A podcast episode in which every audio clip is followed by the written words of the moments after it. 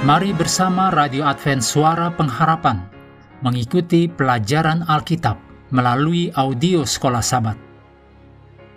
Selanjutnya, kita masuk untuk pelajaran Kamis 2 Februari.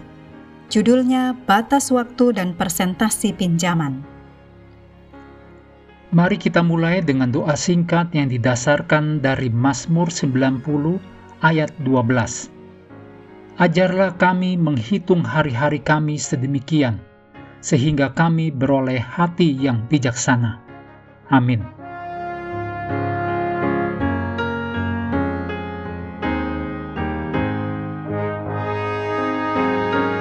Dalam ulangan 15 ayat 1 sampai 5 mengenai tahun penghapusan hutang. Ini berisi tuntutan Tuhan bagi umatnya. Selaras dengan ketetapan tujuh tahun yang lain, ditulis dalam keluaran 21 ayat 2, Imamat 25 ayat 3 dan 4, bukan hanya budak atau hamba dan tanah yang diatur, tapi si pemberi pinjaman juga. Karena si pemberi pinjaman tidak mau menghabuskan utang, paling lama waktu seorang berutang adalah tujuh tahun. Kita dapat mengambil pelajaran dari ayat-ayat ini yang menunjukkan bahwa Tuhan memperhatikan masalah-masalah keuangan, terutama manakala itu berhubungan dengan sesama orang Israel. Ayat-ayat ini menunjukkan juga bahwa Tuhan mengakui adanya utang, seberapa buruk pun hal itu secara umum. Tuhan juga menekankan bahwa sedapat mungkin agar utang itu dihindari.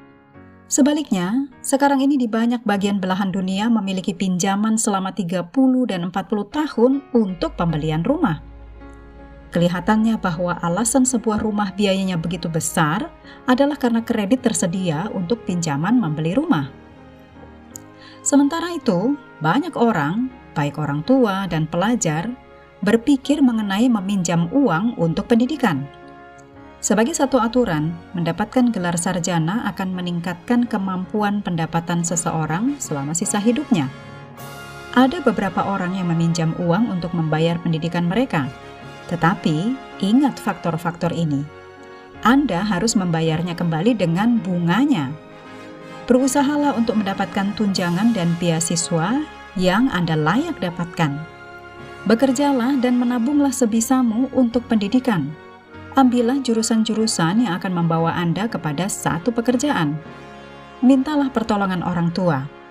Pada zaman kitab suci, orang tua memberikan kepada anak-anak mereka kebun agar mereka dapat hidup mencari nafkah.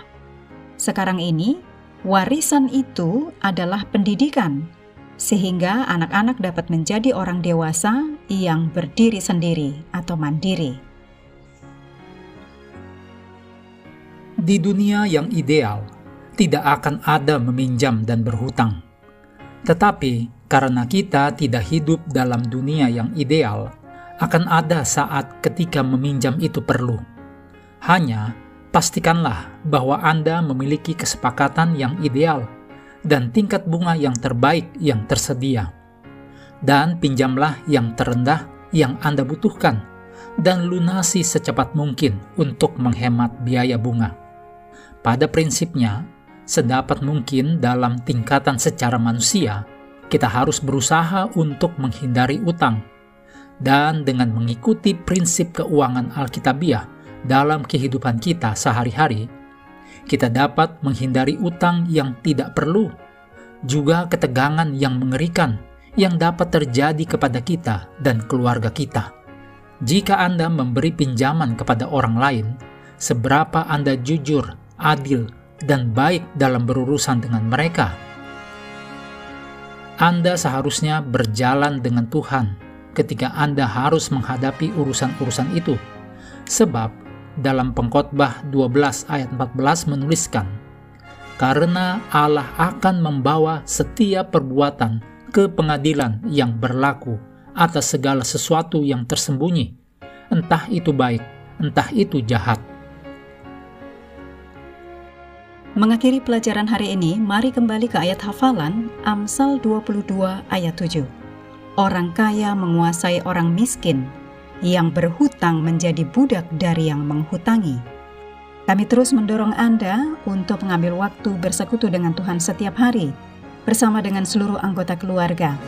Baik melalui renungan harian, pelajaran sekolah sahabat, juga bacaan Alkitab sedunia percayalah kepada nabi-nabinya, yang untuk hari ini melanjutkan dari 2 Tawarif pasal 18. Tuhan memberkati kita semua.